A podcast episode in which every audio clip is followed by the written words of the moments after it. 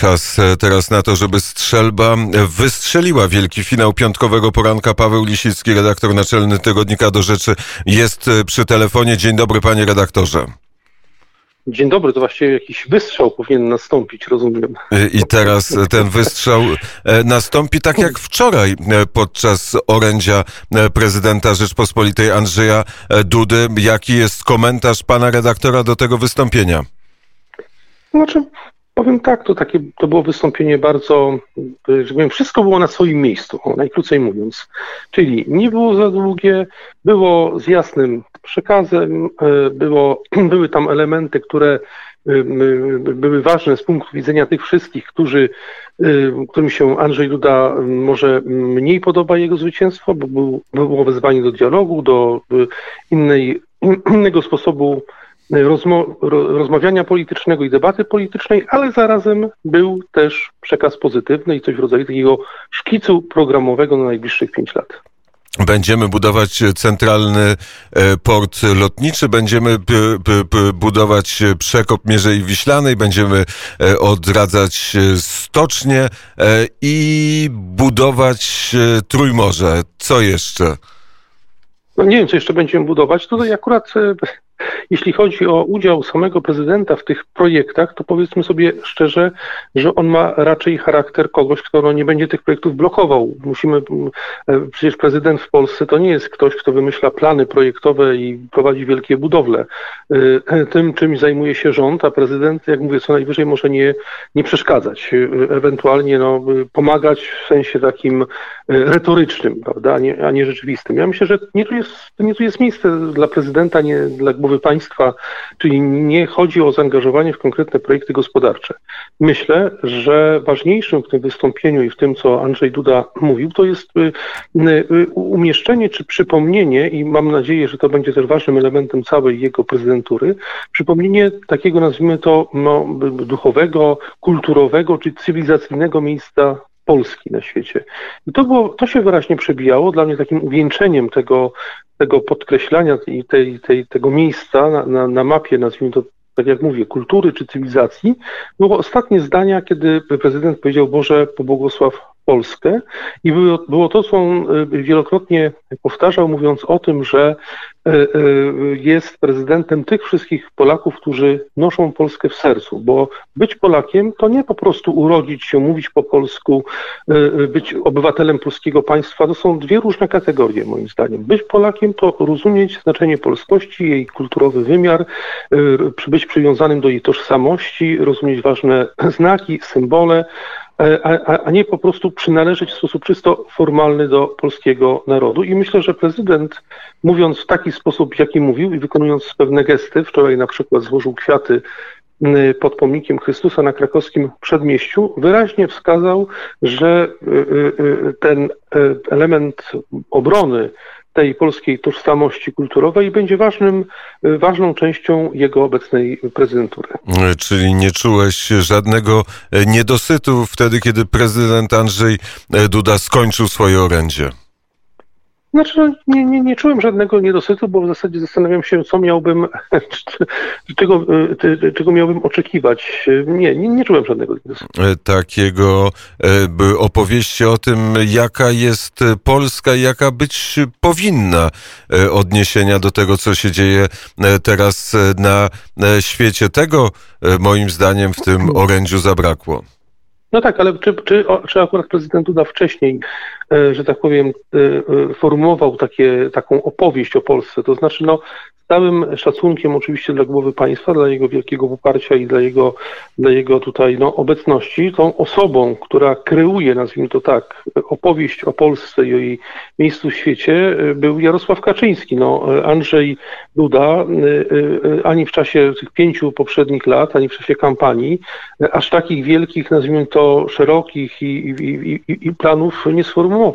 Jedyny jego ważny projekt polityczny, przecież, który przedstawił w czasie ostatnich pięciu lat, to był projekt referendum konstytucyjnego złożony z dziesięciu pytań, które niezależnie od tego, że no, PiS się w to nie zaangażował i nie chciał popierać tego projektu, w sensie merytorycznym były po prostu bardzo słabe. No, myślę, że najlepiej, jeśli każdy zajmuje swoje miejsce, są tacy, którzy są wizjonerami politycznymi, wielkimi strategami, a są ludzie, którzy nimi nie są. Nie sądzę, przynajmniej do tej pory, może to się zmieni, nigdy nie wiadomo, ale do tej pory Andrzej Duda jako wielki wizjoner polityczny nie dał się poznać i tego się też w związku z, z, z tym po nim nie spodziewałem. To w takim razie porozmawiajmy o tym wizjonerze, który wczoraj e, miał wystąpienie. Nie, do, nie, e, nie dostąpiłeś zaszczytu, żeby wysłuchać na żywo tego wystąpienia, wystąpienia Jarosława e, Kaczyńskiego, prezesa Prawa i Sprawiedliwości podczas wyjazdowego posiedzenia Klubu Parlamentarnego Prawa i Sprawiedliwość.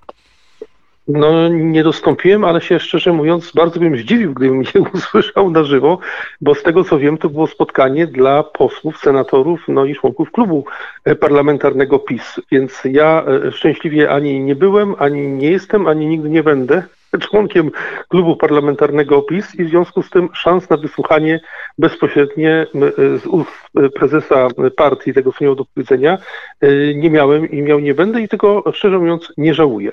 A nie Natomiast... jest tak, że smutek i ciemności spowiły twoją duszę z tego powodu? No właśnie mówię, nie żałuję, jestem e, bardzo zadowolony, bo tak jak powiedziałem, bardzo dobrze, kiedy wszyscy pełnią swoją rolę. Są ci, którzy są politykami i chwała im za to, ale są tacy, którzy politykami być nie chcą i wolą e, oceniać politykę z perspektywy komentatora, obserwatora, y, kogoś, kto y, nie uczestniczy w bieżącej grze politycznej. W związku z tym stać go na większy dystans i widzi pewne rzeczy, których ci, którzy tak y, bez przerwy zastanawiają się nad tym, nad bieżącą polityką tego, tej perspektywy tego dystansu nie mają.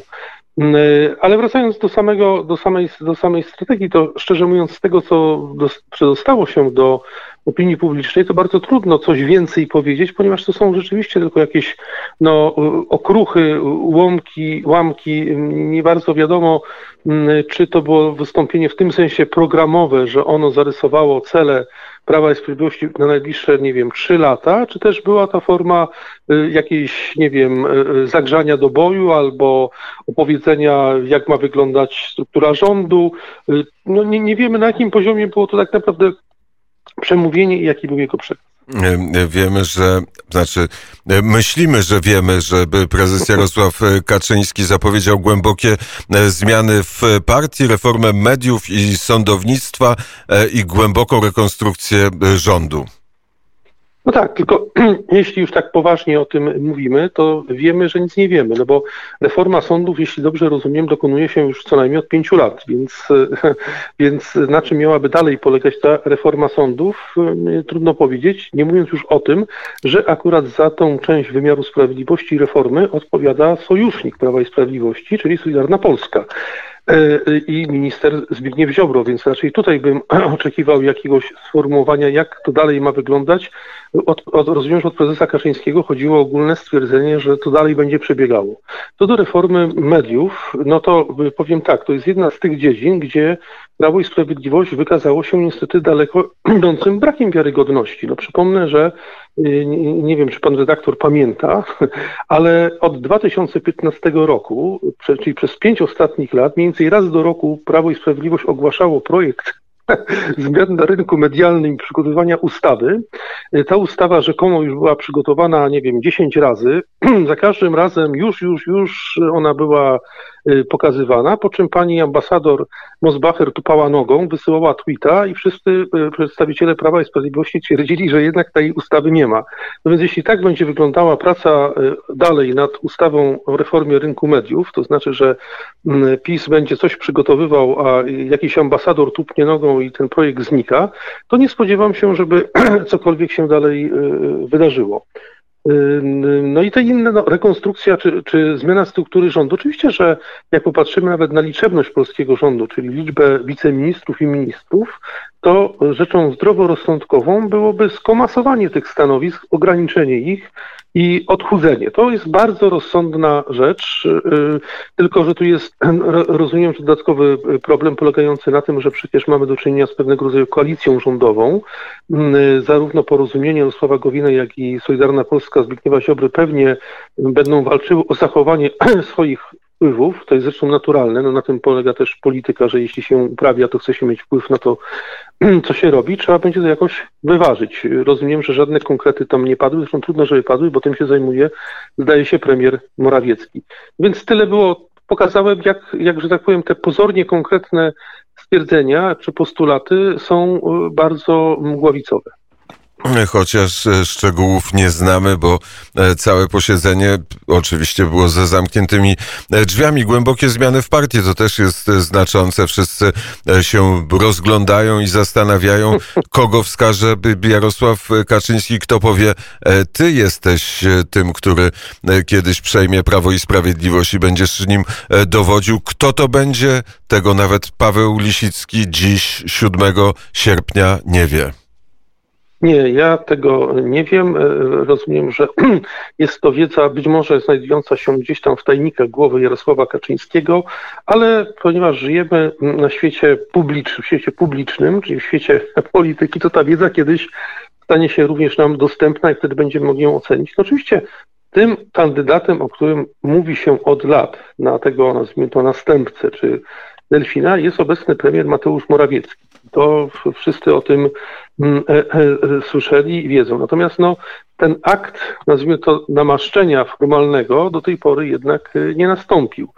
I y, ja zresztą, szczerze mówiąc, tak jak przyglądam się sposobowi działania, sposobowi działania Jarosława Kaczyńskiego, no to też zastanawiam się, czy to będzie wyglądało właśnie tak, jak w czasach, nie wiem, cesarzy rzymskich, prawda? Był, nie wiem, e, e, e, cesarz August, no i on, prawda, dobrał sobie jako współcesarza Tyberiusza w pewnym momencie, prawda? Albo jak jakiś jeden z cesarzy tam już stwierdził, że potrzebuje kogoś na współcesarza, no to go tak właśnie nominował i ten namaszczał i ten następny zostawał cesarzem.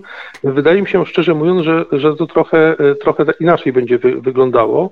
Mm, spodziewam się, tym bardziej, że nic nie wskazuje na to, żeby Jarosław Kaczyński nagle udał się już tak całkowicie na polityczną emeryturę. No, tak jak mówię, sam, sam fakt, że to on zwołał to spotkanie, że to od niego oczekujemy pewnych mm, znaków, że to on udziela wywiadów, w których mówi, jak będzie wyglądała polityka rządu, jego rekonstrukcja i tak dalej, wskazuje, że prezes y, nadal od, zamierza odgrywać rolę czynną, sprawczą i przywódczą, a to oznacza, że y, y, żadnego, żadnej sukcesji szybko nie będzie. Powiedział Paweł Lisicki. Bardzo serdecznie dziękuję za rozmowę. Dziękuję bardzo.